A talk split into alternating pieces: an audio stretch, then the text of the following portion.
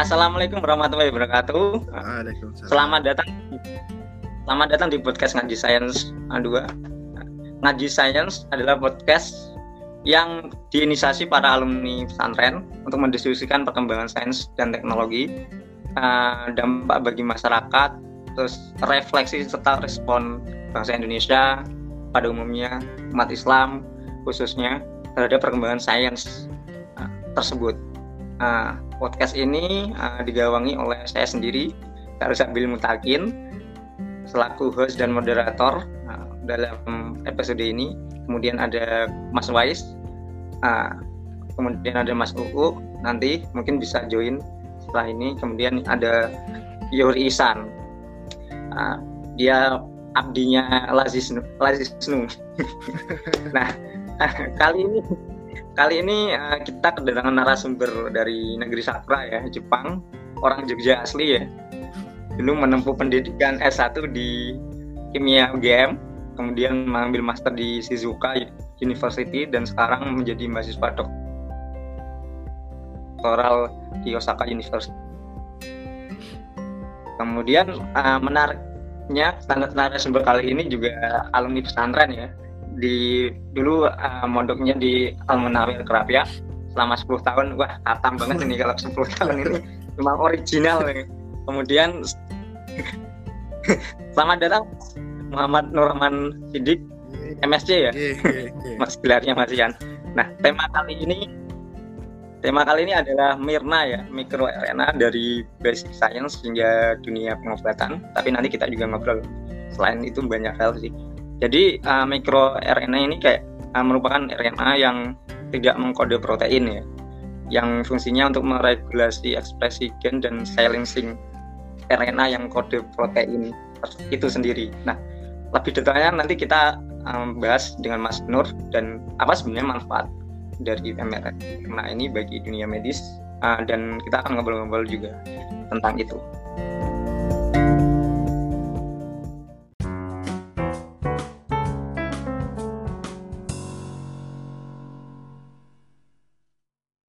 Tapi pertama kita akan bahas dengan Mas Nur ini uh, menceritakan. Mas Nur mungkin bisa menceritakan dulu kenapa kok memilih jurusan eksakta ya, kimia ya, apalagi kimia murni di UGM. Nah, kebanyakan santri kan biasanya langganannya UIN nih, Mas. Gimana nih? bener sih, bener. bener. uh, Oke, okay, mungkin ya ya gimana? Langsung jawab berarti kan ya.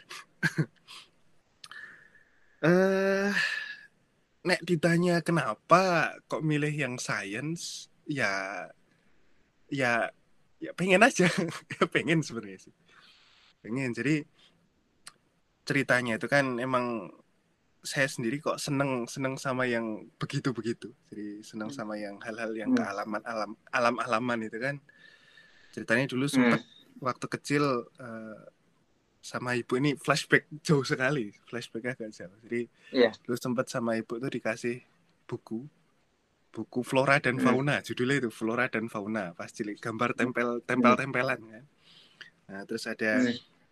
buku itu sama satu lagi buku menjadi ilmuwan cilik isinya ya praktikum praktikum hmm. sederhana praktikum sederhana tapi kok hmm. kok terus menyenangkan di apa namanya hmm nyoba-nyoba hmm. kok nyenengke gitu kan terus di waktu SD itu uh, di perpus sempet ngelihat ada buku kok kuandel banget ada buku kediri sak foto-foto hmm. itu judulnya kalau nggak hmm. salah ilmu pengetahuan populer ada 10 jilid hmm. nah isinya ya hmm. ya tentang science full science yang masih hmm. itu jilid pertama itu tentang astronomi nah Hmm. Saya nggak nggak nggak nggak wong SD kan SD njuk bahasannya kan topik-topik berat seperti itu ya aku nggak ngeh juga. Cuman setidaknya gambarnya api gambarnya itu bagus. Jadi di awal-awal ada gambar galaksi terus ada gambar planet-planet macam-macam terus di jilid keduanya itu ada gambar apa ya? Uh, ya tentang alam lah. Itu gambarnya api kok menarik kak bab-bab kayak gini terus di compare dulu waktu itu kok uh, apa namanya buku-buku IPS ada gambarnya. Cuman gambarnya nek menurut saya pribadi kok kok kurang serak kan. Gambar kok akeh tulisannya daripada gambarnya. Jadi ah kayaknya menyenangkan kalau yang IPA lah. Nah akhirnya itu ke bawah sampai uh, sampai ya SMP yo SMA dan seterusnya. Walaupun sempat SMP kenal fisika juga saya agak mundur soalnya wah hmm. fisika kok angel ya sampai akhirnya sampai akhirnya waktu SMA itu pas akhir-akhir mau milih jurusan ah hmm. uh, ini uh, eh, FYI saya SMA-nya di negeri ya jadi walaupun di pondok tapi saya juga SMA-nya di negeri jadi nggak nggak ikut yang hmm. paketan dengan pondok nah hmm. waktu di SMA uh, eh, sempet tuh uh, apa ikut uh, apa ya kayak tim tim olimpiade kimia Nah, awalnya hmm. sih waktu SMP ikut yang tim Olimpiade Biologi, cuman uh, waktu SMA, hmm. wah kok kayaknya uh, ada temen yang ngocok-ngocokin, menyesatkan saya masuk hmm. kimia, hmm. kan? Oh kayaknya enak iki man, hmm. jadi kimia wae lah. Hmm. Nah kok terus hmm. setelah ikut itu kok kok nampaknya enak juga hmm. di sini, di bisa mempelajari atom-atom macam-macam. Nah terakhir waktu milih jurusan, waktu milih jurusan uh, dengan trauma saya di urusan fisika, saya nggak pengen masuk jurusan yang ada fisikanya. Jadi uh, cuman waktu itu soalnya aku nggak ngerti ya, soalnya masih nggak tahu juga hmm. teknik itu apa. Waktu UM UGM saya hmm. milih yang pertama kali paling atas tuh teknik fisika, eh, teknik kimia. Pikir kan hmm. kimia, kimia koyone gak ono fisika fisika ono sih tapi nggak nggak akeh lah kimia. Terus habis itu opo lah no untungnya ya alhamdulillah nggak keterima waktu UM UMGM nah hmm. baru yang hmm. uh, tersadarkan goro-goro ada senior tanya sama senior untung gue ram lebu teknik man. Neng teknik sini fisika KB wah alhamdulillah terselamatkan di situ.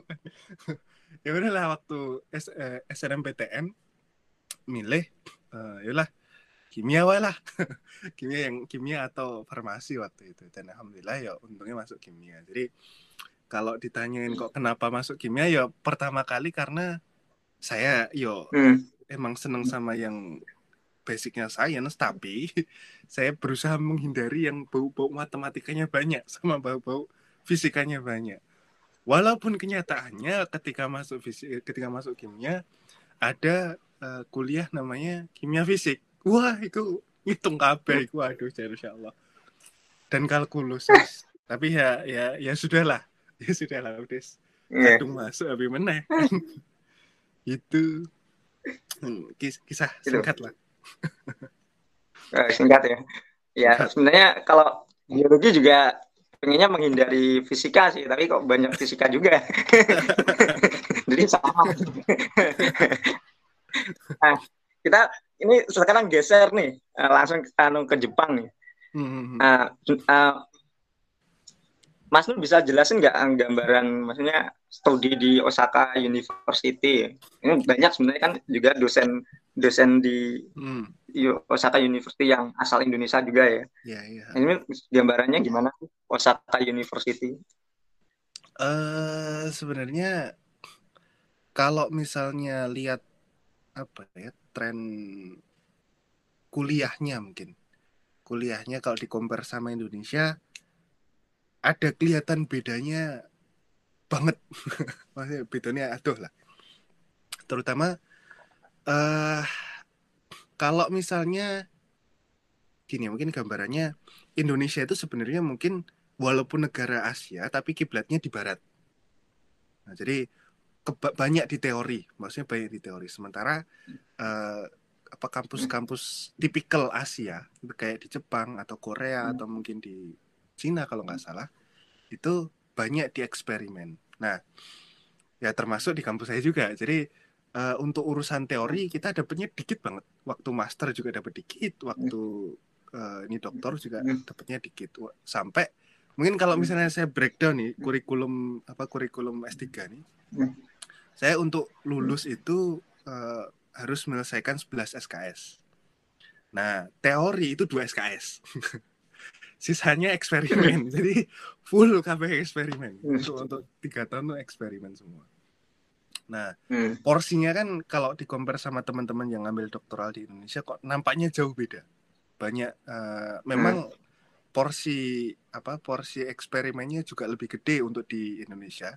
Doktoral tapi di compare sama yang sarjana. Tapi kalau misalnya porsi teori sama eh, eksperimennya kok teorinya masih kelihatan gede banget masih apa ya istilahnya masih dominan Hmm. juga. Itu mungkin yang yang agak beda. Jadi eh, akhirnya eh, dengan perbedaan itu ot- otomatis kulturnya juga beda. Jadi kita nggak Hmm. terlalu nggak terlalu ribet di urusan teori, tapi Hmm. eh, kita apa ya mungkin lebih ke spesifik dan mendalam. Jadi kalau tanyain yang di luar bidang itu, ya mungkin kita bilang nggak tahu nggak ngerti, plus kita nggak tahu apa-apa untuk urusan Hmm. yang di luar bidang kita. Hmm. Karena ya emang apa namanya kita dituntut untuk eksperimen di bidang itu dan sedalam-dalamnya di bidang itu. Eh, dan tipikalnya semua sama di kampus mana pun di Jepang baik yang entah ke pojok Hmm. utara sampai pojok selatan baik yang di Hokkaido maupun sampai yang di Hmm. mana ya Ru- Ryukyus eh di Okinawa lah itu sama semua jadi nggak Hmm. eh, apa namanya mungkin bisa dibilang Hmm. peringkat lah kadang-kadang orang kan di Indonesia Hmm. agak-agak masih ada Hmm. apa ya mempertimbangkan peringkat kan mungkin kalau di sini peringkat itu sudah nggak nggak terlalu relevan jadi semuanya sama yang beda cuma fasilitas Hmm. mungkin fasilitasnya agak beda. Cuman Hmm. walaupun beda fasilitas ada kola ada kolaborasi kan. Jadi sebenarnya nggak nggak terlalu pengaruh juga. Mau di kampus Hmm. di mana pun eh kualitasnya sama kok gitu. Jadi pendidikannya standarnya juga sama. Eh, apa namanya kuriku cara apa cara belajarnya juga mirip-mirip. Eh, kurikulumnya juga mirip-mirip. Jadi ya ya gitu banyak di eksperimen mungkin bedanya dari di Indonesia itu aja Oke. Nah, Mas Nur ini di bawah Institute of Scientific and Industrial Research. Sebenarnya Hmm. fokus dari institut ini apa sih Mas? ISIR ya? ini? ISIR apa apa ini? jadi IPR apa? eh ISIR itu kan kita nyebutnya jadi eh, apa namanya kalau kalau saya ad- waktu admission masuknya itu ke Fakultas Sains cuman Hmm. di Fakultas Sains itu kan ada banyak lab dan lab yang saya tempati saya huni itu kebetulan Hmm. masuk ke institut itu ke institut Hmm. eh, itu Hmm. tadi Hmm. fokusnya kalau yang lab-lab yang bernaung di Institute eh, of Science and Indus- Industrial Research itu ya Hmm. kita eh, apa ya berusaha meng istilah lagi kolab lah antara akademik dengan industri. Jadi eh, Hmm. lab-lab yang ada di yang di yang bernaung di ICER itu memang eh, kayak dikhususkan untuk kerjasama dengan industri. Jadi proyeknya Hmm. memang tidak murni eh, research oriented tapi udah ke arah industrial oriented juga. Jadi ada ada kolaborasi. Hmm. Nah, jadi semacam eh, irisannya, irisannya antara akademik sama yang akademisi sama yang industri. Gitu. Jadi Hmm. mekatan mekatan. Kemudian eh, itu di bawah apa? Labnya Nakatani ya, itu profesornya ya, Bro? Ini riset dulu ya, PI-nya ya. Eh, Iya. riset, ya riset. Mau bikin podcast riset, Mas. Oh, siap, siap, siap, siap. Oh, oke, oke, oke, siap, siap, siap. Kemudian Ya, itu aspek menarik dari dari kan eh, di Nakatani itu kayaknya apa ya intersection antara kimia bioorganik sama biomolekuler ya. Itu apa sih menariknya dari riset riset beliau itu? Oh, Dan apa? iya, iya, iya. So, so, so. Jadi, jadi em, beliau sendiri itu kan backgroundnya eh, Hmm. synthetic organic chemist, ya kan.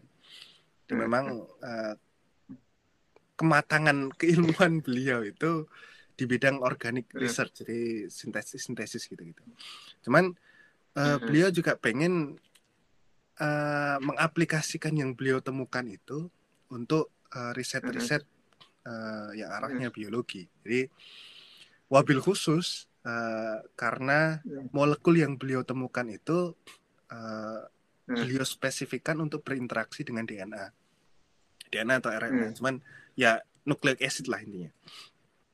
Akhirnya eh, ya pengembangannya jadi ke mana-mana. Nah jadi eh, beliau sempat bikin senyawa yang yang apa yang bisa mengenali eh, sequence tertentu Hmm. nah itu Hmm. otomatis nanti dipakai aplikasinya untuk Hmm. misal penggan eh, apa ya cita-cita beliau tuh mau gantiin Takman Hmm. Takman Probe Anjay, Anjay, keren. Nah, jadi Hmm. kan daripada beli-beli terus kan wah gawe lah gawe Iya. dewe lah gue ganti takman yang, yang Iya. biasa untuk qPCR terus juga Iya. pengen eh, apa namanya bikin eh, untuk apa namanya untuk terapi mismatch DNA jadi kalau misalnya ada DNA yang ada Hmm. miss gitu kan terus dengan senyawa Hmm. beliau eh, pengen dijadiin baik lagi lah nah gampangannya ngono Hmm. nah Hmm. eh, alhasil itu itu awal-awal awal-awal dari riset beliau terus akhirnya ke mana-mana Eh, sampai Hmm. senyawa itu Hmm. eh, sa- saat jani sih jujur jujur aja saat jani beliau Hmm. sendiri nggak ngerti beliau nggak ngerti urusan biologi jadi jadi Hmm. eh, beliau mesti collab sama temennya yang yang dari apa Hmm. farmasi atau collab dari temennya yang yang dari kedokteran atau yang dari industri farmasi nah beliau salah Hmm. satu pertanyaannya yang sempat waktu kita apa sharing-sharing itu. Dia tanya Hmm. kira-kira kalau saya punya senyawa ini ini bisa buat apa ya? Saya sendiri juga nggak tahu. Saya sendiri juga nggak tahu ini buat apa. Hmm. awal-awalnya gitu awal-awalnya gitu. Terus ada yang beli, beli apa yang kasih masukan oh ini kayaknya coba diarahkan ke DNA akhirnya beliau fokuslah di DNA dan Hmm. eh, di antara apa namanya nucleic acid nucleic acid itu kan ada yang Hmm. di, eh, punya fungsi untuk regulatory jadi salah satunya Hmm. kan ada microRNA itu kan akhirnya Hmm. ya oke lah Eh, kita coba salah satu eh kita coba fungsikan sal- eh, beberapa senyawa kita Hmm. di bidang ini Hmm. salah satunya yang di microRNA itu cuman eh, untuk perkembangannya di lab beliau akhirnya nggak cuma eh, tidak apa ya tidak membatasi diri sampai itu aja belakangan eh, beliau juga coba ranah baru lagi di AI akhirnya yang Hmm. artificial intelligence untuk yang apa namanya Hmm. screening Hmm. jadi beliau Hmm. pengen fokuskan diri di screening sekarang sampai saya juga terkena imbasnya wah akhirnya penelitianku juga masuknya ke screening akhirnya yes ya gitulah beliau ya demikian agak-agak Ya, hmm. menarik sih. Sebenarnya kan banyak ya startup di Indonesia yang mulai bermunculan tentang biotek itu juga masalahnya lebih ke screening gitu-gitu Hmm. sih diagnosa. ya ya, Nah, ya. itu lagi openingnya seperti itu sih, Mas. Hmm. Nah, nah kita masuk ke microRNA nih. Sebenarnya prinsip microRNA itu gimana sih, Mas? Terus sebenarnya perkembangan riset microRNA di Jepang itu seperti apa? Apakah cuma labnya Prof Nakatani atau ada yang lain yang juga ngerjain kolaborasinya seperti apa gitu? Eh, oke, mungkin untuk pengantar sebelum masuk ke microRNA mungkin bagi yang mendengarkan juga mungkin ada yang belum ngeh apa itu microRNA. Jadi Nah, itu. Eh barangkali kalau misalnya kita pernah dengar masalah genom atau masalah DNA itu kan eh, dari sekitar mungkin 3 juta lah, 3 juta base pair eh, human genome itu eh hanya eh bukan hanya mungkin sekitar 80% yang diketahui fungsinya. Jadi ada- atau misalnya Hmm. atau bisa lah dibilang functional regionnya itu sekitar ada 80%. Sementara yang sisanya 20% kita masih nggak tahu tuh apa. Nah, Hmm. dari yang 80% ini itu kayaknya sih kurang dari tiga persen yang dia tertranslasi jadi protein gitu jadi Hmm. porsinya yang dikodekan jadi jadi protein itu sangat sedikit sekali dan kalau misalnya Hmm. tinjauannya itu apa ya, dari sudut pandang farmasi mungkin Hmm. protein-protein yang dikit yang bisa dikatakan draggable protein itu Hmm. dari tiga yang tiga Hmm. persen itu lebih kecil lagi mungkin eh, sekitar 15% dari yang tiga persen itu draggable eh, prote draggable proteome misalnya sementara sisanya masih nggak Hmm. alhasil Hmm. eh, sebetulnya dari sudut pandang ini ya kalau kita cuma memfokuskan diri pada yang draggable protein ya ya Hmm. sulit ya sulit kalau misalnya mau Hmm. bikin terapi yang baru Hmm. akhirnya Hmm. eh, para ilmuwan kan cari-cari Hmm. apa namanya cari-cari point of view yang baru kan apa apa ada Hmm. cara lain apa ada teknik lain untuk eh, apa namanya untuk bisa menemukan terapi yang lebih baik nah akhirnya Hmm. oke lah kita dari sudut pandangnya protein kita coba cari jalan lain Hmm.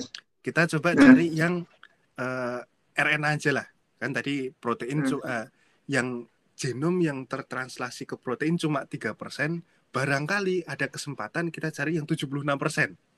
Nah, akhirnya eh, penelitian-penelitian tahu bahwa memang ini ada potensi yang bagus juga di di yang apa eh, sekitar 70 76% ini, yakni eh, di genom yang dia punya fungsi tapi dia tidak tertranslasi jadi protein atau mungkin yang Hmm.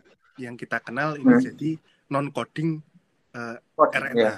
Nah, RNA yang tidak memiliki kode untuk jadi protein. Hmm. Nah, bagi Hmm. apa jenisnya apa aja lah? Ini jenisnya ada banyak. Eh, kalau misalnya kita lihat Hmm. di sel misalnya, ada yang apa ya, transfer RNA dan dia juga punya Hmm. Fungsi tertentu. Terus ada eh, messenger RNA, ada eh sorry Hmm. ada microRNA, ada eh, small nucleolar RNA, long apa Ya. LNRNA dan seterusnya. Jadi eh, potensi-potensi ini yang kemudian kita coba manfaatkan untuk eh, jadi eh, new therapeutic track, eh, target lah. Nah, Hmm. ini jadi kita mencoba kesempatan yang besar ini. Terus eh, awalnya dari situ, kemudian em, karena ada banyak pilihan, karena ada banyak pilihan, Hmm. cobalah kita cari salah satunya, salah satunya yang memang eh, sudah diketahui apa namanya fungsinya di dalam tubuh. Salah satunya tadi ada mikroRNA. Jadi lah mikroRNA itu apa tuh aja nih? Nah, eh, Nah, mungkin gitu. eh, sesuai namanya lah. MikroRNA berarti RNA yang mikro. RNA yang apa, yang size-nya itu kecil lah, yang size-nya itu ukurannya itu kecil. Jadi mungkin Hmm. sekitar 18 sampai 22 nukleotida, terus ya hitungannya kan kecil Hmm. tuh. Terus juga eh, kalau kita apa namanya eh, lihat biogenesisnya itu Hmm. eh, dia di, di bukan dibuat apa ya dia lahir lah mungkin dia lahir dari Hmm. prekursornya dengan bantuan protein Hmm. namanya eh, dicer. Hmm. Nah Hmm. dan nanti ketika dia sudah dalam bentuk yang dewasa mature microRNA nanti dia bisa Hmm. eh, ikut dalam regula eh, regulatory system di sel entah Hmm. mungkin lewat eh, apa namanya degradasi atau eh, transcriptional repression lah itu jadi itu Hmm. kayak mekanisme Hmm. mekanisme of actionnya dari microRNA jadi Hmm. em, dari latar belakang ini kemudian untuk penelitian saya itu gimana ceritanya Hmm. kalau misalnya kita punya suatu molekul yang bisa Hmm. mengintervensi biogenesisnya itu kan gitu kan Hmm. jadi kita tahu kalau eh, jadi secara ringkas mungkin biogenesisnya adalah dari eh, Hmm. prekursor mikroRNA mungkin kita Hmm. bilang gitu kan terus di dia kan agak panjang kemudian dipotong sama dicer jadilah dia versi mini eh, versi majornya mikroRNA kemudian mikroRNA tadi eh, apa istilahnya collab lah collab dengan protein yang disebut RISC nah ntar bareng-bareng dengan protein tadi kompleksnya itu dia bisa uh, merepresi uh, transcriptional apa namanya proses di sel. Nah, kalau misalnya katakanlah kita punya molekul yang bisa menghambat pem, apa menghambat maturasinya. Nah, otomatis kan kita bisa bikin uh, apa namanya? Uh, regulatory tools. Nah, ini ini yang ini yang jadi concern di lab kita. Mungkin gitu kira-kira. Nah, tapi uh, yang riset Michael di Jepang itu tidak hanya Osaka, tapi juga ah, ada iya. lain atau gimana, Mas? Hmm. Hmm. Nah, kalau yang hmm. uh, riset mikroarena ada beberapa kampus hmm. kalau nggak salah, uh, dan hmm. kita cuma salah satunya saja. Cuman hmm. punya hmm. Uh, apa bisa dibilang karakter yang hmm. berbeda. Kalau misalnya kita misalnya kita itu kan hmm. pengembangan small molecule yang ditargetkan ke mikroRNA. Nah, sementara yang lain hmm. itu mungkin versi biologinya, full, full di biologinya, hmm. entah mungkin lewat apa uh, engineering hmm. uh, genetiknya atau gimana, pokoknya itu uh, field hmm. yang berbeda. Nah, hmm. uh, jadi walaupun sama-sama mikroRNA, uh, kita nggak nggak nggak terlalu hmm. overlap lah untuk di bidang itu. Hmm, Oke, menarik, menarik. Nah, jika sebenarnya kan microRNA jika terjadi ekspres apa ya perubahan ekspresi dan regulasi microRNA sendiri kan akan membawa apa ya dampak kesehatan bagi tubuh ya misalnya mm-hmm. dapat menimbulkan kanker ya. Nah, ekspresi misalnya tipe Mirna ini dia akan meningkatkan kecenderungan kanker. Mm. Tapi kalau uh, ekspresi yang ini yang rendah justru yang akan meningkatkan uh, kecenderungan kanker. Nah itu sebenarnya uh, risetnya ke arah situ atau bagaimana sih mas? Sebenarnya biar misalnya tidak apa ya, meng, apa ya istilahnya uh, untuk apa ya meregulasi kanker atau sebagai obat kanker atau obat terapi lain penyakit lain atau gimana mas? Nanti endingnya? Uh, salah satu uh, mungkin di antara goalsnya itu memang hmm. untuk terapi kanker. Nah, jadi hmm. ya ya tadi udah disebut juga hmm. ada yang uh, mikroRNA yang dia meregulasi adanya kanker atau mungkin uh, kalau hmm. bahasa anak-anak farma farmasi ya onkomirsnya kayak gitu. Nah, uh, dan ya itu masih menjadi concern kita juga. Jadi uh, hmm.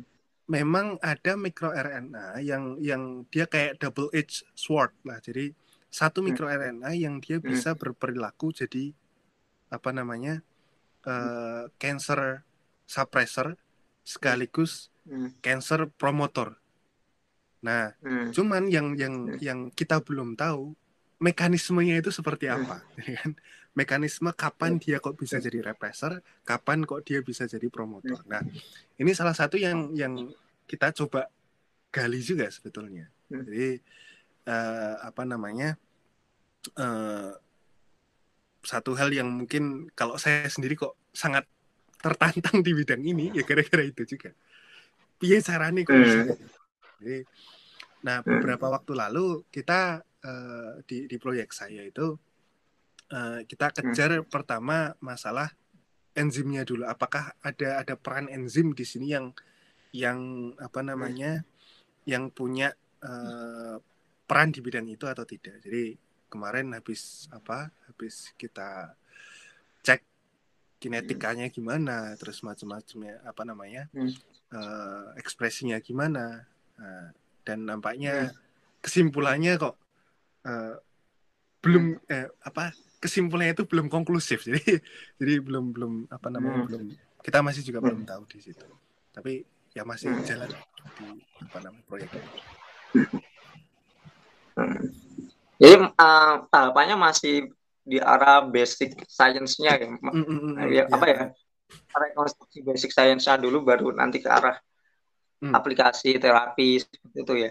Nah, ada beberapa nah. yang memang apa emang yang udah hmm. di ke, dijagokan lah udah jadi uh, hmm. apa hmm. namanya calon udah clinical hmm. trial juga cuman masih belum lolos hmm. jadi beberapa microRNA memang hmm. udah udah beberapa obat yang menargetkan microRNA tepatnya gitu dia udah sampai ke, hmm. ke clinical trial tapi hmm.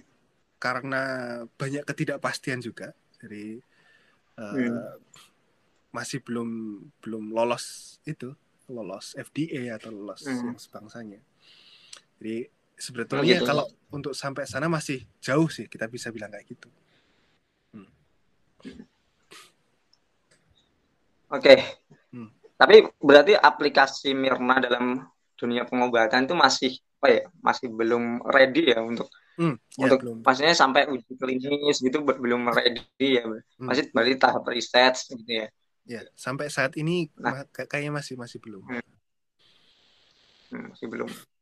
Nah sebenarnya kan ICR ini kan uh, uh, lebih ke industri ya. Nah kira-kira fokus hilirisasi risetnya itu apa aja sih mas? Maksudnya kan tadi dibilang banyak ya risetnya. Yang su sudah bisa mas. Kan kalau di di Indonesia itu kayak risetnya aplikasi terus ada yang dibisniskan gitu-gitu kan nah kalau di ICR itu gimana sih mas uh, apakah ada yang sudah masuk industri gitu atau atau udah yang dipakai industri uh, ad, uh, kalau misalnya mungkin saya cerita yang di lab kita dulu mungkin Uh, hmm. Ada yang sudah seperti itu, ada yang sudah masuk industri. Jadi uh, tadi seperti yang hmm. sempat tak singgung juga tadi, uh, Sensei hmm. pengen salah satu cita-citanya pengen bikin probe yang bisa menggantikan hmm. uh, apa namanya Takman probe hmm. uh, untuk qPCR dan kemarin eh kalau nggak salah dua tahun lalu itu udah dipatenkan uh, apa hmm. namanya probe-nya itu. Jadi cuman untuk hmm. masuk ke industri dan kemudian disebarluaskan itu kan hmm. memang apa namanya butuh hmm. promosi, butuh macam-macam. Jadi memang agak-agak agak lama. Hmm. Tapi setidaknya hmm. uh, ada lah hmm. yang sudah sampai ke sana. Dan uh, hmm. itu salah satunya. Yang yang di antara yang lain itu uh, kalau pernah dengar obat namanya hmm. Risdiplam sama Brahma Plum itu untuk hmm. obat apa ya sih? Nam penyakitnya tuh ALS. Uh, hmm. Ya, ya ada ada sebuah disorder gitu kan. Nah, hmm. kita uh, kita juga sudah uh, apa namanya kerjasama sama industri di bidang itu di penciptaan hmm. uh, drug discovery yang yang yang uh, ke sana. Hmm based on uh, obat yang sudah ada dan dan memang uh, ya ini kayaknya udah masuk ke clinical trial kalau nggak salah. Nah itu. Itu itu yang yang ranahnya uh, di lab kita. Sementara kalau uh, di lab yang lain jadi jadi mungkin untuk yang ICER ini itu tidak hanya ke kimia atau biokimia tapi juga uh, ada teman-teman di ranah uh, nanoteknologi atau misalnya di ranah uh, apa namanya AI itu juga ada di satu komunitas eh satu institut yang sama jadi uh, apa namanya kalau dikatakan uh, hilirisasinya seperti apa uh, yang saya bisa ceritakan untuk bagian saya ya yes, mungkin seperti itu nah Cuman hmm. untuk yang lain kayak misalnya AI ataupun nanoteknologi seperti apa, uh, hmm. Ya itu mungkin saya nggak bisa cerita untuk saat ini. ya. Ya, ya menarik, menarik, menarik. Nah, uh, ini Mas Mas Nur kalau di lab berarti kan labnya selain wet lab, wet lab ya maksudnya di bench terus um, pakai pakai alat-alat lab ya. Uh. Itu juga pakai komputasi atau enggak sih mas kalau di sana kalau doktoral gitu gimana Hmm. sih mas? Iya, jadi kan kalau misalnya eh kita desain, desain sebuah molekul kan, Hmm. kita desain sebuah molekul otomatis pakai pakai komputasi komputasi awal lah, komputasi awal untuk desainnya. Kemudian Hmm. kalau misalnya senyawanya udah jadi, kita pengen tahu apa namanya interaksinya dengan protein atau Hmm. misalnya interaksinya dengan DNA, mungkin kita bisa pakai docking atau semacamnya Hmm. itu juga ya. Jadi komputasi jelas dipakai di sini. Hmm. Eh, kemudian Hmm. Hmm. pun nanti setelah kita punya banyak data, eh, kita juga Hmm. pakai komputasi AI sebetulnya sih Hmm. untuk prediksi Hmm. eh, ke depannya Hmm. seperti apa-apa. Misalnya untuk Hmm. senyawa yang seperti eh, dengan bentuk yang seperti ini, apakah dia punya eh, apa namanya punya fungsi terhadap ini atau tidak? Itu itu sekarang arahnya lagi ke Hmm. sana. Jadi Hmm. biar meminimalisir wet lab, Sensei Hmm. pengen Iya. meminimalisir wet labnya. eh, tapi kalau udah Hmm. sekali masuk ke wet lab, betul betul betul Hmm. produktif lah.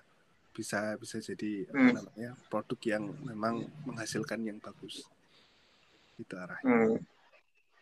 Oke, jadi ngomong-ngomong eh, apa drug discovery ini uh, toolsnya juga pakai machine learning ya untuk Eh, uh, apa yang seleksi seleksinya Iya. gitu. Benar ya? Oke. Jadi Nah. eh, machine learningnya itu pertama untuk Hmm. cari eh, senyawa baru itu pertama. Hmm. Kemudian juga eh, kita coba apa namanya beberapa eh, beberapa penelitian yang terkait dengan ini juga Hmm. untuk apa istilahnya itu apa terkait istilahnya? Private medicine. Hmm. Eh, Personalis ah, medicine. ah personalized medicine. Jadi eh, gimana obat eh, apa? Kita bisa membuat obat yang betul-betul sesuai dengan karakter tiap Hmm. individu. Nah, based Hmm. on genomnya seorang. Nah, memang itu Hmm. itu memang apa istilahnya masih seperti hayalan. Jadi ya memang produk Ya. apa yang masih agak panjang, masih agak panjang untuk Ya. realisasinya. Tapi tapi eh, eh, setidaknya bahkan di lab kita pun juga eh, sudah mau mengejar ke arah situ juga walaupun Oke. belum belum terlalu itu Ya, kalau di Indonesia ada yang namanya farmakogenomik ya, mungkin relate Hmm. ya sama itu. Nah, kok nah ini tadi aku lihat sih ALS itu kan kayak pernah dengar gitu ya, amilo eh amyotrophic lateral sclerosis ya dia kayak iya, iya. gangguan saraf yang akhirnya sering dengan waktu dia akhirnya menyebabkan kelumpuhan itu pernah dengar soalnya pernah muncul di drakor. Itu salah satu drakor Sisyphus itu keren tuh. Jadi dia sebenarnya belum ada obatnya ini sampai sekarang sebenarnya. Nah jadi tahunya dari situ juga menarik ini menarik. Ini sebenarnya juga belum ada obatnya ditemukan obatnya sih eh, penyakit tersebut. Memang benar ini. Ini kayak saintifiknya Korea juga boleh juga nih. Wah aduh. Bener-bener apa drakornya itu based on reality iya iya bener. Ya, soalnya riset dulu juga. nah, nah, eh, nah, ya, ya. Nah, kalau kita bicara tentang riset kan enggak, itu dia hanya tentang universitas atau lembaga riset yang pasti kita melibatkan government, pemerintah sama Hmm. dunia industri. Nah, kalau triple helix-nya di Jepang itu seperti apa, Mas? eh jadi eh ya ya mungkin kalau misalnya apa namanya lihat di Jepang terus merefleksikan yang ada di Indonesia kok agak ngelus dodo akhirnya.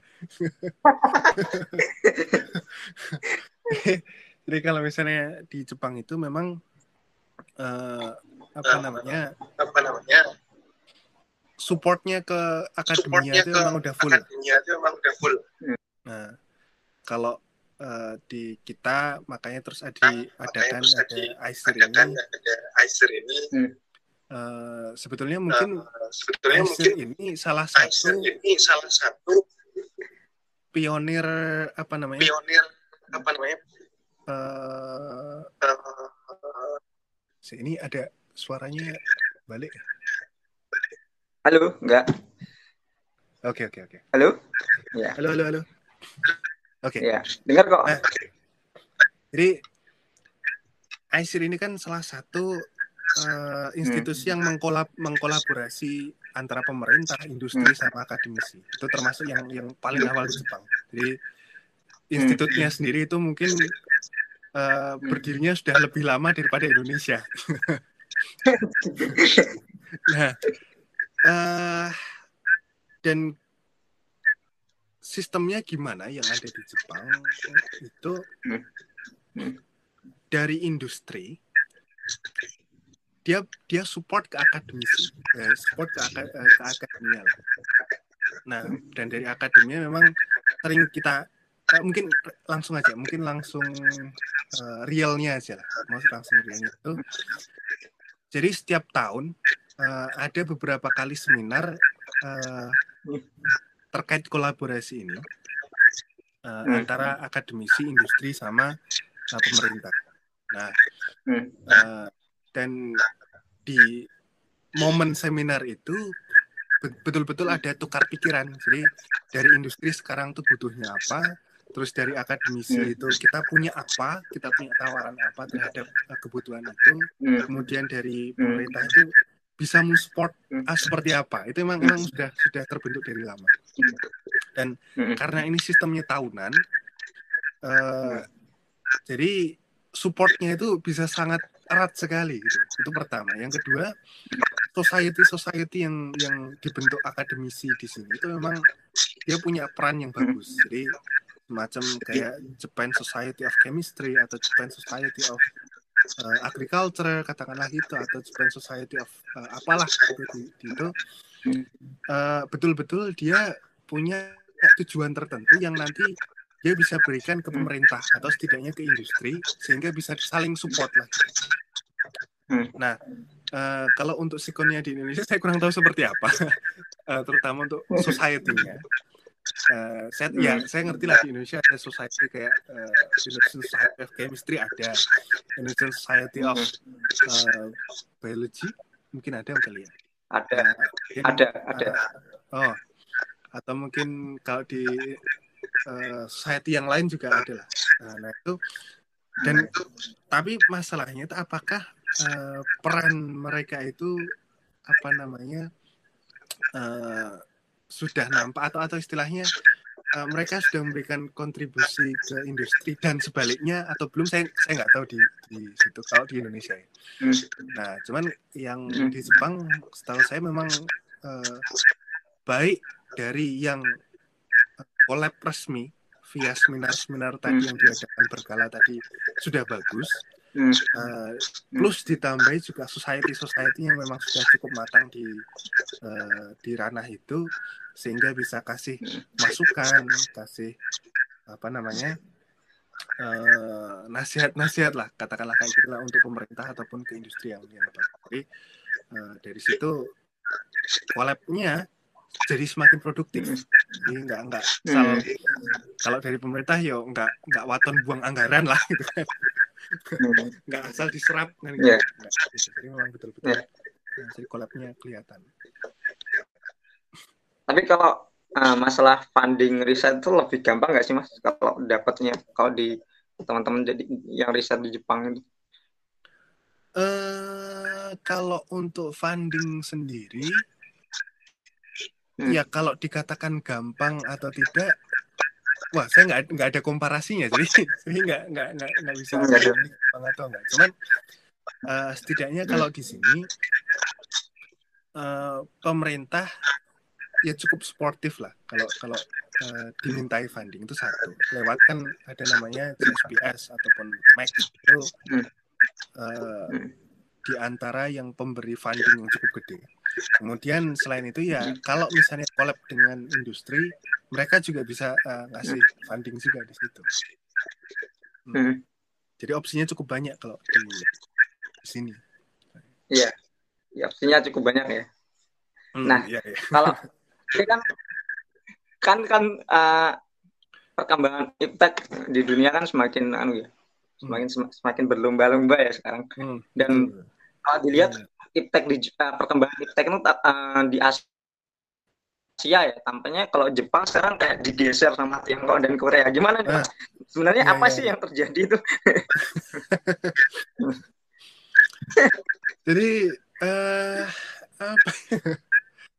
kita sendiri juga kadang-kadang eh, kan kan gini eh, beberapa waktu lalu kan Hmm. pas seminar jadi kita di lab itu kan ada seminar mingguan ada progress report mingguan. Hmm. Nah waktu Hmm. seminar beberapa waktu lalu tuh saya sih seperti bilang wah Hmm. eh, saya itu prihatin bilang gitu kan ucuk-ucuk ngomong gitu. saya itu prihatin Nah, beliau ngasih ngasih apa namanya ngasih contoh itu ya kampusnya sendiri di, di Osaka Osaka itu kok Hmm. kayaknya ada penurunan minat riset. Jadi bahkan eh, warga Jepang pun eh, anak-anak muda Jepang itu yang pengen jadi dokter itu menurun. Yang Hmm. pengen fokus di bidang sains itu menurun. Nah eh, mungkin kalau di apa otak atik gaduk mungkin salah satunya itu. Jadi eh, SDM di Jepang itu ya selain karena memang aging society emang yang orang mudanya itu tambah sedikit pun yang yang sedikit tadi yang mau masuk di sains itu juga lebih sedikit menurun menurun terus jadi Hmm. eh, memang Hmm. memang ada sih eh, penemuan-penemuan baru atau mungkin paten-paten baru cuman nampaknya kok nggak sesignifikan eh, yang yang sebelum-sebelumnya mungkin karena Hmm. idenya mungkin juga eh, tidak terregenerasi dibanding katakanlah kayak eh, eh, Tiongkok misalnya yang apa namanya kok kayaknya Hmm. sekarang ngebus banget gitu ngebus penelitian Iya, terus bagus kayaknya banget. eh, Habis. apa namanya nah benar-benar kan terus dari pemerintah juga eh, eh, Hmm. disupport akhirnya kan ya ya kelihatan lah paper-paper banyak juga yang dari Cina itu kan. Iya. dari yang mungkin dulu paper-papernya yang kalau misalnya apa pen- autornya Cina itu eh, impact factornya yang rendah-rendah kok sekarang yang tinggi-tinggi itu juga oh, iya semua. Empat itu ya. Karena Q satu. Nah itu makanya. Jadi wah kayaknya ya banyak faktor lah banyak faktor itu ya banyak faktor juga ya. Banyak faktor jadi sebetulnya kalau kalau melihat Indonesia ya bisa lah sebetulnya sih ngejar. Cuman mau Iya. atau enggak. Mau atau Iya. enggak. Kita dapat bonus demografi ini. Ini gak dimanfaatkan ya bisa gak bisa nih. Kemudian kalau di Jepang itu gimana sih mas? Kalau di Indonesia kan lagi happening industri point four uh, 4.0 gitu ya kalau di Eh. Jepang itu gimana sih nah kalau di Jepang setahu saya kan ada mereka merencanakan society uh, 5.0 ya itu ya udah Hmm. nonton di YouTube sih sebenarnya kan basic science atau life science atau science pada umumnya itu ditempatkan di skema tersebut itu gimana? eh sebetulnya kalau eh, apa namanya aplikasi ke sananya ya. Kalau saya lihat pribadi nih pendapat pribadi nih Hmm.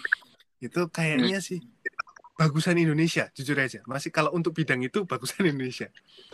Eh, apa Hmm. namanya? Betul kalau dikatakan eh, sainsnya Indonesia eh, sainsnya Jepang itu kok maju betul. Industrinya Jepang itu maju juga betul Eh, apa namanya robotisasinya atau mungkin internetisasinya eh, industri Jepang itu udah udah di, dep- eh, di Jepang itu di, di depan Indonesia itu betul juga. Cuman kalau lihat kreativitas orang-orangnya itu kok kayaknya masih bagusan di Indonesia daripada di Jepang. Itu, jadi eh, apa namanya kalau dikat, ditanyakan posisi sainsnya itu ada di mana ya memang eh, di sini itu apa ya sains itu bukan bukan hal yang terpisah dari eh, apa istilahnya Hmm. dari uh, society pun juga dari pemerintahan pun juga dari industri. Jadi memang memang uh, apa namanya udah udah udah sangat uh, terpaut. Jadi kalau misalnya di trigger uh, sesuatu hal yang baru kayak internet kemudian terus jadi ada revolusi 4.0 atau misalnya ditambah lagi dengan uh, trigger yang lain itu mudah apa namanya sangat-sangat mudah untuk mencapai itu. Cuman uh, dari society-nya sendiri itu bisa dikatakan realitanya ada yang belum siap juga. Realitanya ada yang siap juga. Nah, mungkin contohnya gini, kalau misalnya kita udah kenal uh, apa email udah umum lah di Indonesia kan untuk apa-apa persurat-suratan gitu email udah umum. Cuman kalau di Jepang kadang-kadang kita masih pakai gaya lama, entah pakai fax, entah pakai apa. Itu di, kan, di kantor-kantor Jepang masih masih lumrah kayak gitu. Jadi uh, memang secara pandangan umum betul uh, emang kayaknya sih maju, cuman di society-nya sendiri kok kayaknya ya ya 11 12 lah kalau dikatakan sama Indonesia. ya. Tahun lalu baca sih anu kayak tracing covid itu kayaknya masih manual gitu ya. Hmm iya benar benar kalau di negara kayak Singapura online gitu ya. Hmm. tracing. Sekarang kalau di Jepang manual gitu. Nah iya benar itu. Benar masalahnya itu. Jadi hmm. uh, apa sih?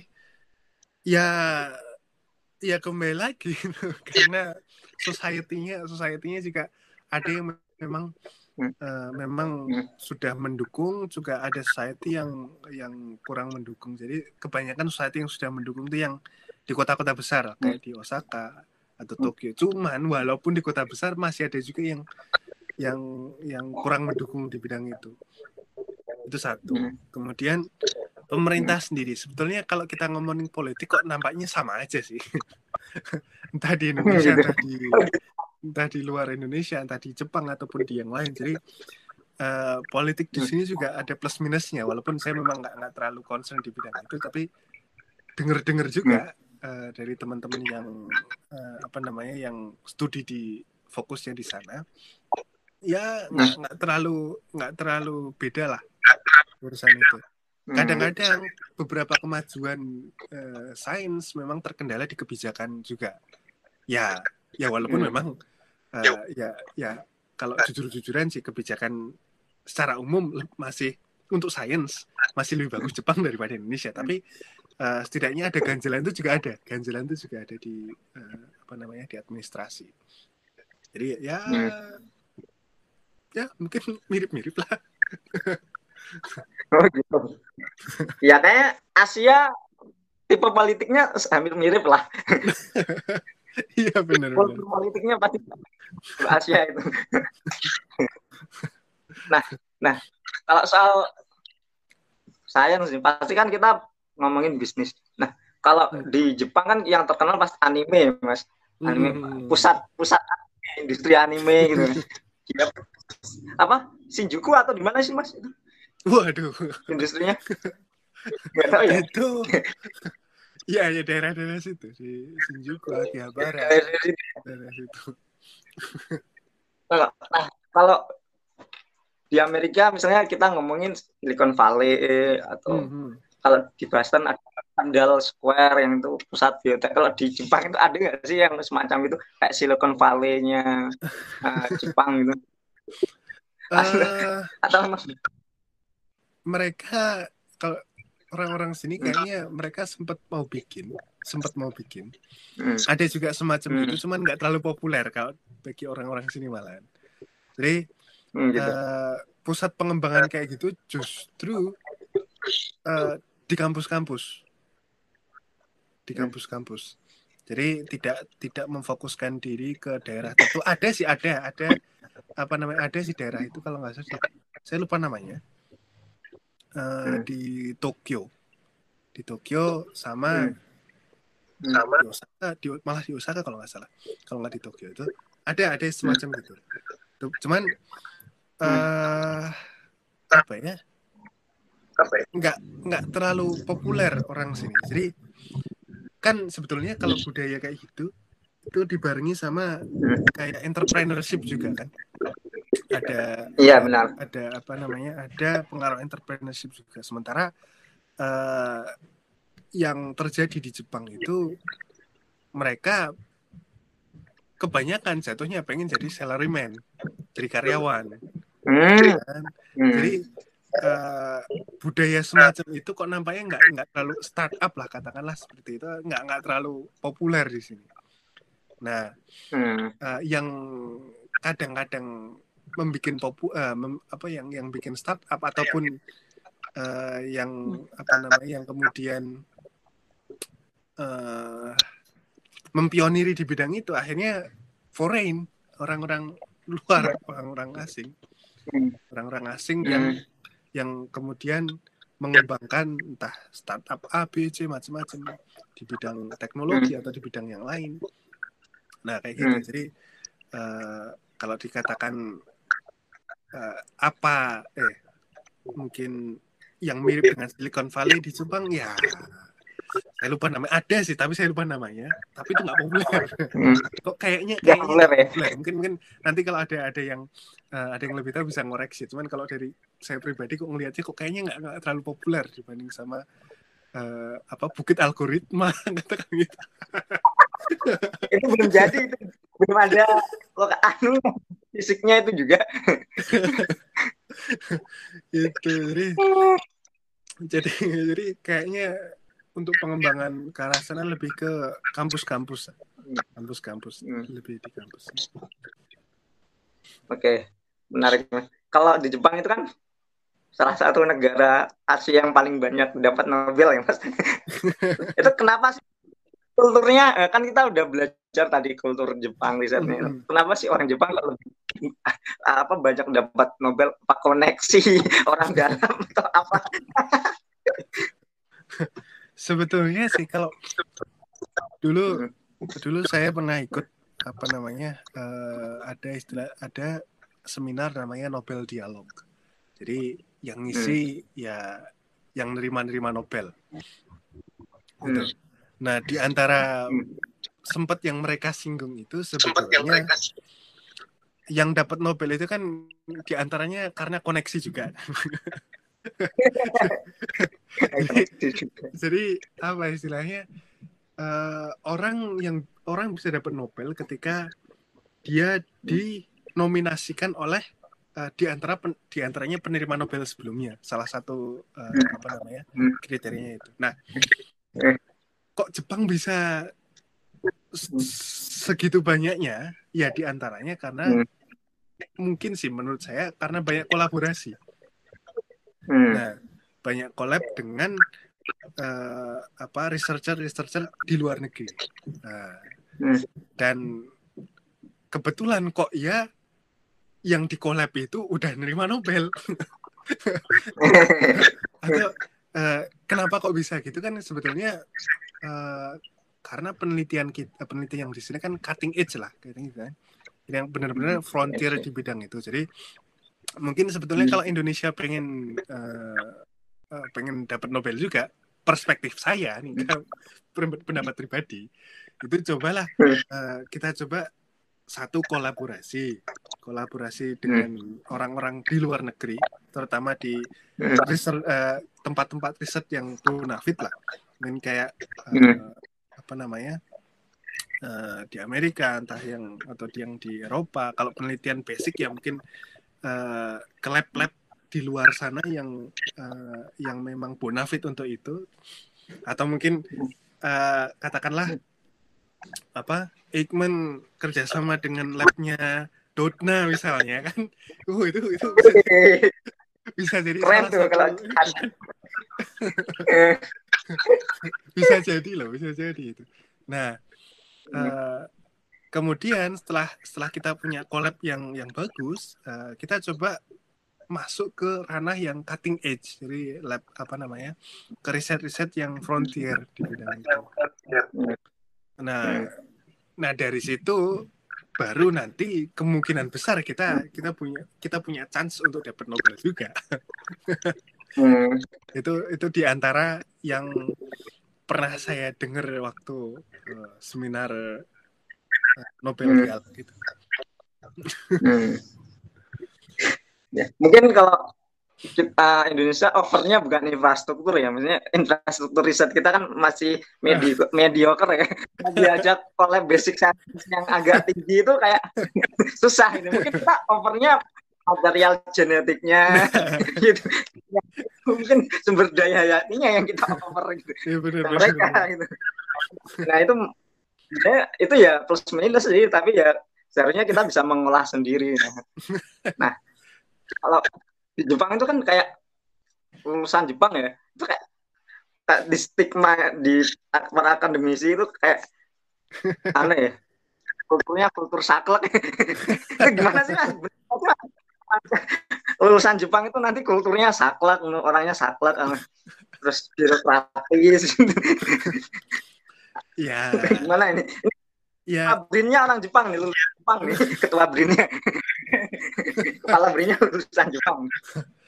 ya ya apa ya? Eh, nggak bisa dipungkiri juga sebetulnya. Pengakuan. Iya, nggak bisa dipungkiri juga. Jadi eh, kecenderungan sistem kerja di sini itu kan eh, memang eh, ada kayak semacam senpai kohai, ada senior junior itu salah satunya. Kemudian terus ada eh, apa? eh itu itu dari sisi biro, biro- birokratisnya memang ada. Terus eh, di sisi lain ada beberapa hal kayak manajemen waktu ya benar-benar saklek juga di sini dia dan itu merembet ke mana-mana akhirnya. Eh di compare sama misalnya lulusan-lulusan kayak Eropa atau misalnya lulusan dari Amerika yang mungkin lebih dinamis lah ketika mereka kerja di Hmm. lab, labnya mereka di sana. Nah, otomatis karena eh, apa cukup lama kerja di Jepang, kemudian cukup lama di lab Jepang, ya Hmm. mau nggak mau kan terinternalisasi kan, merasa juga. Ya. Ya, ya walaupun sih walaupun mungkin belakangan belakangan banyak dosen Jepang itu banyak profesor Jepang yang lulusan dari luar negeri, yang lulusan dari. Eropa atau banyak Hmm. lulusan dari eh, mana Amerika. Jadi untuk Hmm. ke depan eh, mungkin nggak nggak segitu gitunya lagi lah. nggak segitu gitunya lagi. Mungkin akan lebih mirip ke Amerika. Nampaknya bawaannya akan lebih mirip ke Amerika. Nggak Hmm. nggak nggak terlalu saklek lagi. Cuman tapi kalau lulusan yang lalu-lalu kayaknya masih masih dapat itu, masih dapat eh, apa Iya. namanya? Iya. masih dapat eh, apa ya sifat tersebut lah katakanlah gitu. Jadi mungkin kalau entah riset di Indonesia setelah kepala brinya ganti yang sekarang ya nggak tahu saya nggak tahu Oh, itu. apakah masih tempo dulu atau yang udah udah cukup dinamis ya nggak tahu Hmm. juga Hmm, gitu. Oke, oke, oke. Ada kabar misalnya kalau kita mau pulang lab gitu ya, kita nunggu PI-nya pulang dulu baru bisa pulang atau gimana? Itu benar nggak sih? eh ya ya bener saya sempat sempat Bener ngalamin ya? sempat sempat ngalamin Iya. cuman eh, apa namanya kan sebetulnya itu dari apa ya dari pengalaman senpai kohai di masa lalu sebetulnya kan? Hmm. cuman Hmm. eh, belakangan sih belakangan udah nggak nggak terlalu kayak gitu banget jadi eh, apa namanya di kampus terutama di kampus juga udah cukup open minded lah. Sensei senseinya terus juga eh, apa senior seniornya juga sudah sudah nggak nggak terlalu saklek di, di yang yang seperti itu. Jadi kalau pulang ya kalau eh, butuh pulang pulang aja kalau misalnya memang eh, apa namanya kerjaan udah beres ya udah pulang nggak masalah Nah, cuman Hmm, gitu. di beberapa lab memang masih ada yang mempertahankan budaya itu. di ada juga Hmm, yang namanya core time lah istilahnya. Core time jadi gitu. eh, waktu kita harus di lab. Waktu kita Nah, jadi ada yang eh, lab yang apa ya bisa dibilang strict banget ada juga gitu. Jadi core time-nya mungkin dari jam 9 pagi sampai jam 10 malam atau jam 9 pagi sampai jam 9 malam ada yang kayak gitu juga. Cuman ya nggak nggak semua sekarang eh, nggak semua kayak gitu. Jadi sekarang udah udah lebih bebas. Hmm. Gitu sih. Hmm, udah Nah, udah kalau ya. di nah cuman yang masih ada kayak gitu di dunia kerja sih sebetulnya kalau di sini Hmm, di dunia Hmm. kerja masih ada yang seperti itu. Nah eh, cuman eh sampai nih sampai pemerintah Jepang itu Hmm. mengkampanyekan suruh ngambil libur. Jadi, saking saking eh, apa workaholicnya mereka kalau bisa sih suruh ngambil Hmm. banyak libur lah. Suruh banyak ngambil satu itu. Hmm, yang keduanya terus eh, kerja di Jepang tuh dibatasi akhirnya. Dari jam 9 sampai jam 5 soalnya kalau nggak gitu Hmm. biasanya mereka bakal nganggur sampai ya Hmm. sampai jam 11 sampai jam 10 gitu nah hmm, ya ya ya nggak nggak eh, akhirnya ya sekarang eh, sampai pemerintah sendiri yang nengai urusan yang kayak gitu unik lah Hmm. mungkin ya unik ya. nah, mungkin ini terakhir nih, pertanyaan terakhir nih.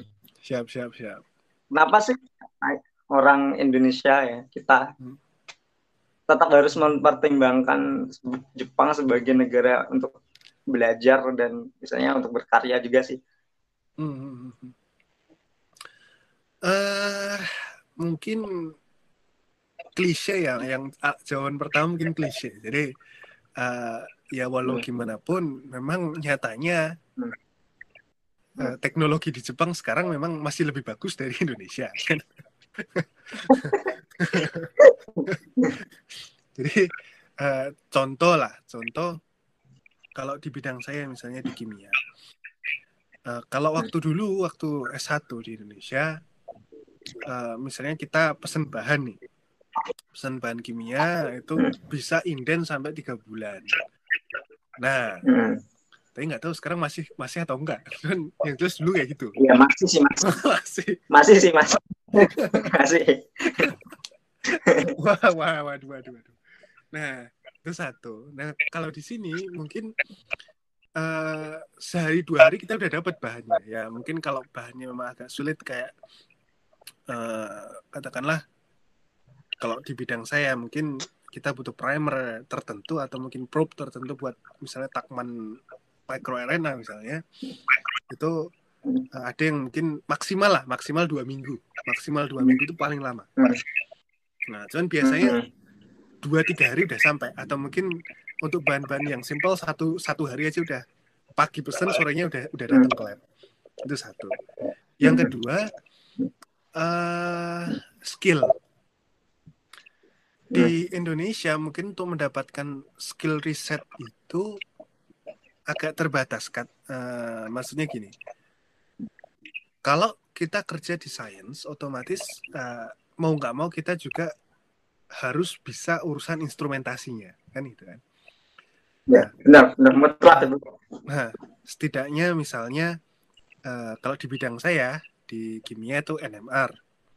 Nah, kalau misalnya Hmm. atau sesimpel PCR lah misalnya kalau di biologi atau Hmm. mungkin kalau agak agak-agak modern, mungkin agak-agak kekinian tuh ya qPCR lah. Real time PCR. Ya, gitu.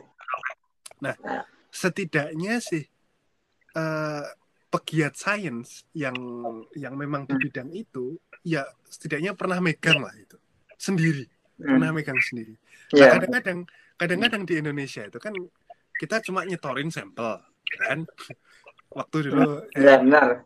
Waktu S1 itu kan eh, saya nyetorin sampel eh, senyawa untuk di NMR kan dulu sempat ke UNS soalnya yang di UGM dulu rusak sekarang udah ada sih cuman ya tetap aja mesti bakal Hmm. nyerahin sampel kan itu Hmm. atau kalau enggak eh, dulu GCMS ke LIPI.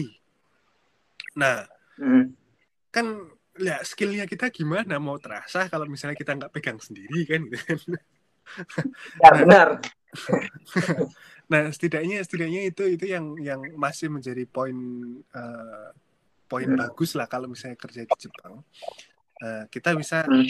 megang langsung alatnya kita sendiri Hmm. jadi kalau NMR kita juga bisa langsung mengoperasikan sendiri kalau misalnya qPCR kita juga bisa operasi sendiri kalau misalnya butuh Hmm.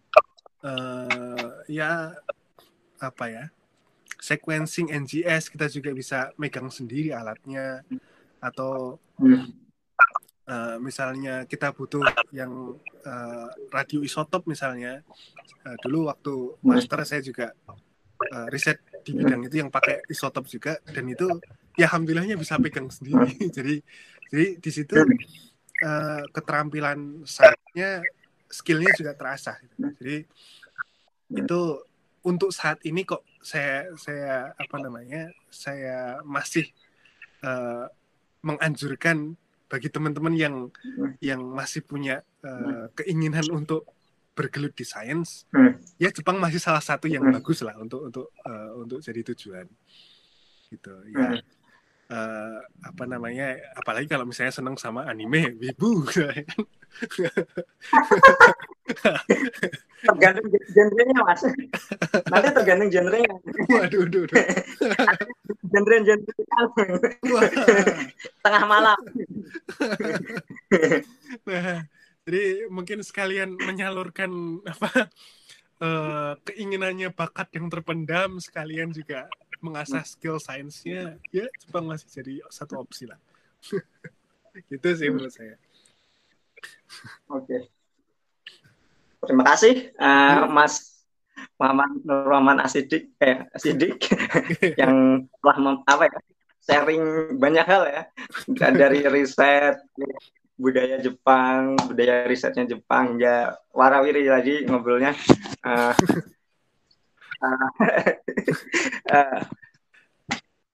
Niatnya kan ngaji ngobrol sains, santai aja. kan.